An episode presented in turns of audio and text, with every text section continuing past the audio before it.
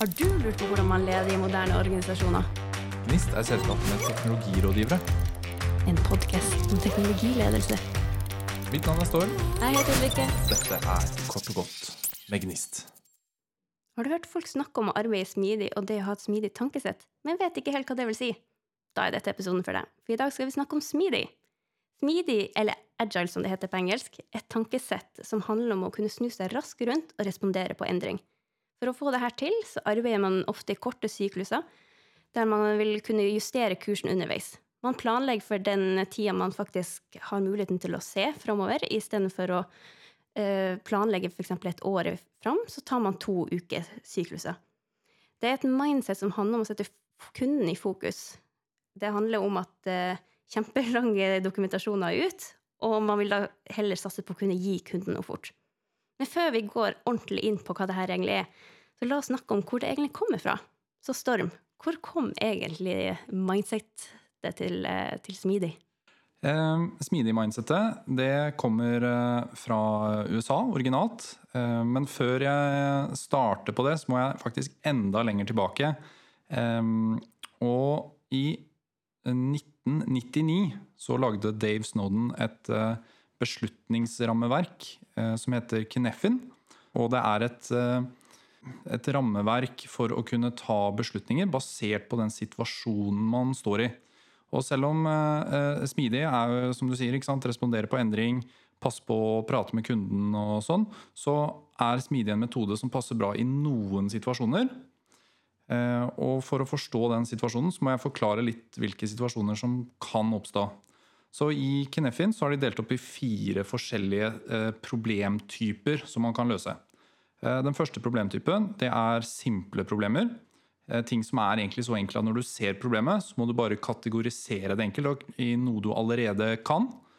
Um, og For å beskrive det litt, så har jeg tenkt å bruke mat som eksempel.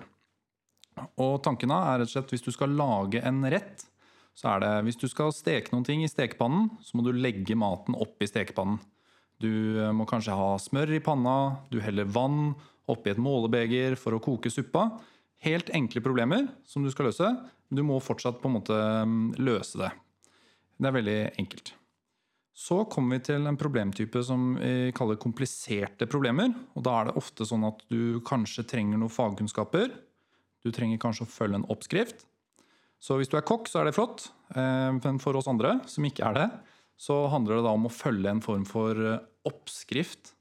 Eh, og denne oppskriften Jeg har jo prøvd å lage indisk mat nylig, f.eks. Og denne oppskriften, uten den så tror jeg jeg hadde slitt veldig. Jeg skulle likt å smakte det du fikk. Så eh, ved å på en måte ha en oppskrift, så løser vi litt mer kompliserte problemer. Og eh, den neste problemmetoden, det er komplekse problemer. Og komplekse problemer, det handler om at eh, du vet egentlig ikke løsningen når du begynner å løse problemet. Du har kanskje en idé om hvor du skal, en visjon, noe du har lyst til å oppnå, men veien blir litt til underveis. Eh, I matlageeksempelet vårt da, så er det kanskje hvis du skal lage en ny matrett som ingen har eh, prøvd før. Og da tenker jeg på krydder. Hva slags krydder har du tenkt å bruke? Skal du ha Hvor mye salt skal du ha? Hvor mye pepper skal du ha? Og så må du faktisk gjøre eksperimenter. Du må teste. Og så etter hvert som du gjennomfører disse eksperimentene, så får du tilbakemeldinger ved smakssansene dine om dette var en lur idé eller ikke.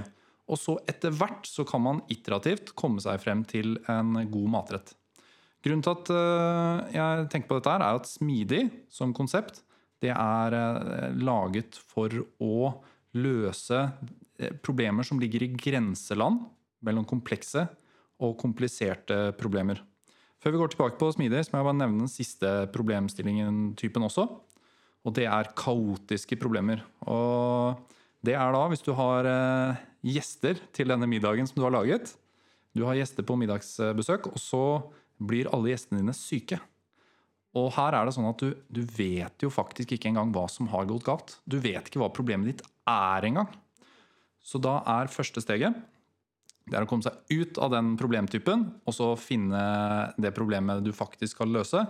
Eh, som nå da kanskje forhåpentligvis bare blir å få folk friske igjen. da.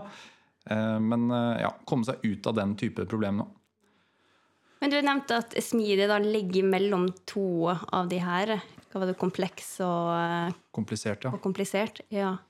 Hva er grunnen til at det havner For den komplisert var det der som var litt Du skal følge en plan, og så er det den andre som er hvor du må liksom teste litt ut. Ja, eh, Siden Smidig da eh, kommer fra eh, softwareutvikling, så kan jeg bruke det eksempelet. Si du skal lage en ny applikasjon som ingen har brukt før. Du, er, du har tenkt å lage Snapchat eller du har tenkt å lage Spotify, og du er den første som skal lage den appen. Så vet du ikke helt hvor du skal, eh, så du må eksperimentere deg litt frem. Men underveis så vil det være deler av dette som er kjent. Du laster kanskje ned noen biblioteker som du har tenkt å bruke. Du, eh, ja, du, følger, du bruker noe som noen allerede har laget. Da. Eh, og på det så kan du følge en oppskrift. Eh, så det, det vil på en måte gli litt i hverandre da, i det du løser problemet. Ja, for det som smidig, så, så skal du ikke se helt bort fra en plan. Hvis noen har gjort eh, en ting som funker før, så skal du kunne gjenbruke det. Du må jo det. Jeg, jeg liker å se på det litt som en vitenskapelig metode. Altså Det som man har funnet ut av fra før, det må man gjerne lære noe av. Du trenger ikke å finne opp gravitasjonen på nytt på en måte, hver gang du skal drive med litt fysikk. Nei, det ville vært tungvint. Det ville vært veldig tungvint. Det som, er, eh, det som skjedde, da, det var at i 2001 så samlet det seg 17 utviklere i, på en sånn ski-resort i eh, USA, i Utah. Og grunnen til det var at de mente at den klassiske prosjektmetoden som man brukte på å lage broer, lage bygninger, eh, veldig sånn fysiske ting som man lagde i forrige århundre, den fungerer ikke like bra på softwareutvikling. Fordi softwareutvikling er mer komplekst enn det er komplisert. Og da ble de enige om eh, De var der i flere dager. Og så eh, lagde de det som kalles det smidige manifestet. Som liksom er starten av det hele. Ja, ikke sant? Det, er- det, folk som jobber innenfor smidig, har hørt det her flere ganger før. Men det, eh, når vi først har dratt det opp, så må vi jo nesten fortelle litt. Hva, hva inngår i det? Det smidige manifestet det er et sett med verdier som eh, man mener at er viktig for å kunne klare å lage software. Eh, Smidig har siden 2001 også blitt noe mer enn bare softwaremetode. Men la oss holde oss til software nå i eksemplene, bare sånn for å gjøre det litt enkelt. Så det er med Det er, det er fire setninger, egentlig. Manifestet er, eh, er veldig kort. Men det er et sett med verdier som man setter opp imot hverandre. Så jeg kan ta det første verdisettet, og det er individer og interaksjoner er viktigere enn prosesser og verktøy. Eh, I klassisk prosjektledelsesmetode så har vi Gantt-diagrammer, vi har milepælsplaner, vi har lange, eh, store planer om hvor vi skal være. Mens når du lager software, så er det jo mennesker som skal bruke software. Det er mennesker som jobber sammen for å oppnå et mål. Så tanken her er at det er interaksjonen mellom utviklerne og brukerne. Det er interaksjonen mellom utviklerne. At den delen er viktigere enn hvilken metode du har valgt å bruke. Mm. Og en ting jeg kan skyte inn her, er jo det at man skal ha kunden i fokus. Og ofte så vet Altså den som da sender inn en bestilling, vet kanskje ikke helt hva sluttproduktet skal være. Så hvis du ikke da snakker med den som faktisk utvikler, så vil du ikke klare å sette sammen et produkt mot å faktisk gi den verdien den skal gi. Ja, og det er jo ofte sånn at brukeren ikke vet helt hvilke muligheter teknologien kan gi. Ikke sant? Mens teknologene ikke vet alle problemene som brukerne har. Og i det smidige manifestet så har vi disse fire verdisettene. Men basert på disse så har de også lagd tolv eh, smidige prinsipper. Vi kommer ikke til å gå gjennom alle av de i dag. Men det er mer sånne helt konkrete setninger om hva du kan gjøre for å få til akkurat det her.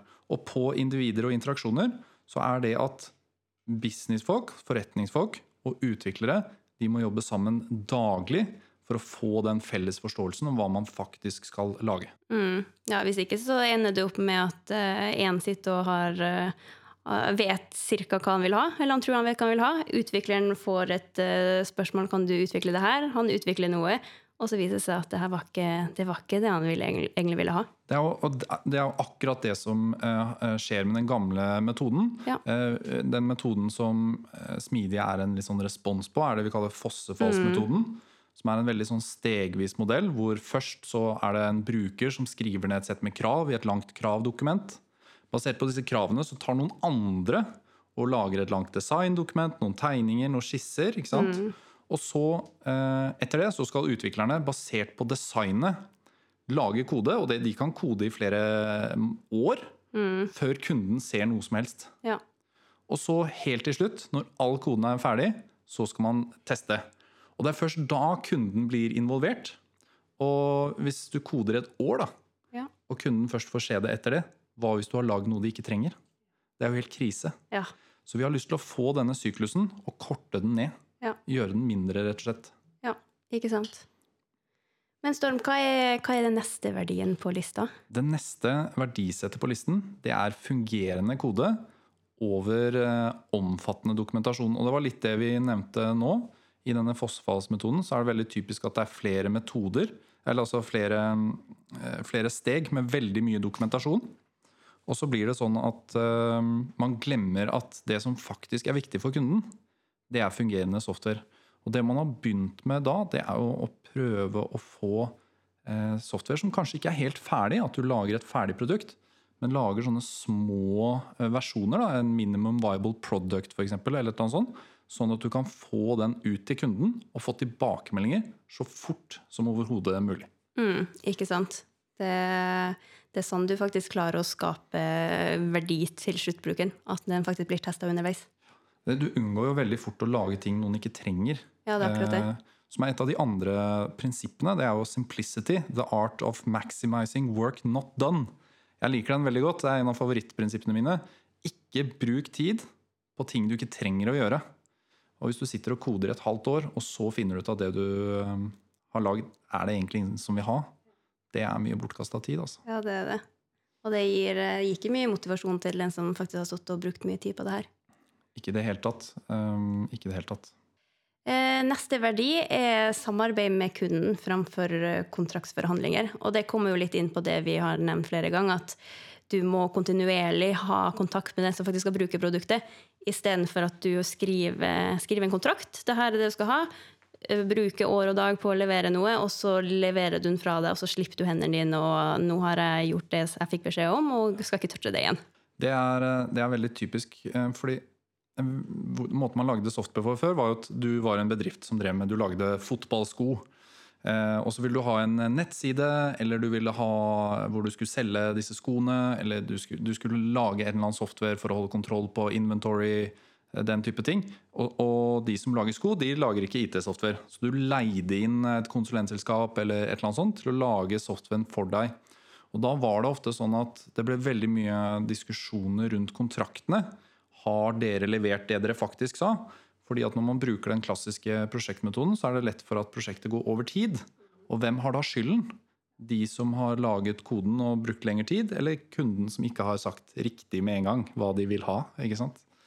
Så her handler det om at man må slutte å prate om kontrakter og begynne å prate og samarbeide som om man er én gjeng, et team, sammen. Og jeg tror dette her er grunnen til at flere og flere bedrifter nå til dags eh, legger IT-utvikling inn i sin egen bedrift, sånn at man kan samarbeide, sånn at dette ikke blir en sånn, eh, sånn rar situasjon. Mm. Og eh, for å legge til det du nevnte, så hvis du da driver med kontraktsforhandling, og da har innleid noe som skal levere noe, og så skjer det noe spontant at du faktisk ikke har budsjett å kunne fullføre, da ender du med at du egentlig ikke har fått et produkt i det hele tatt.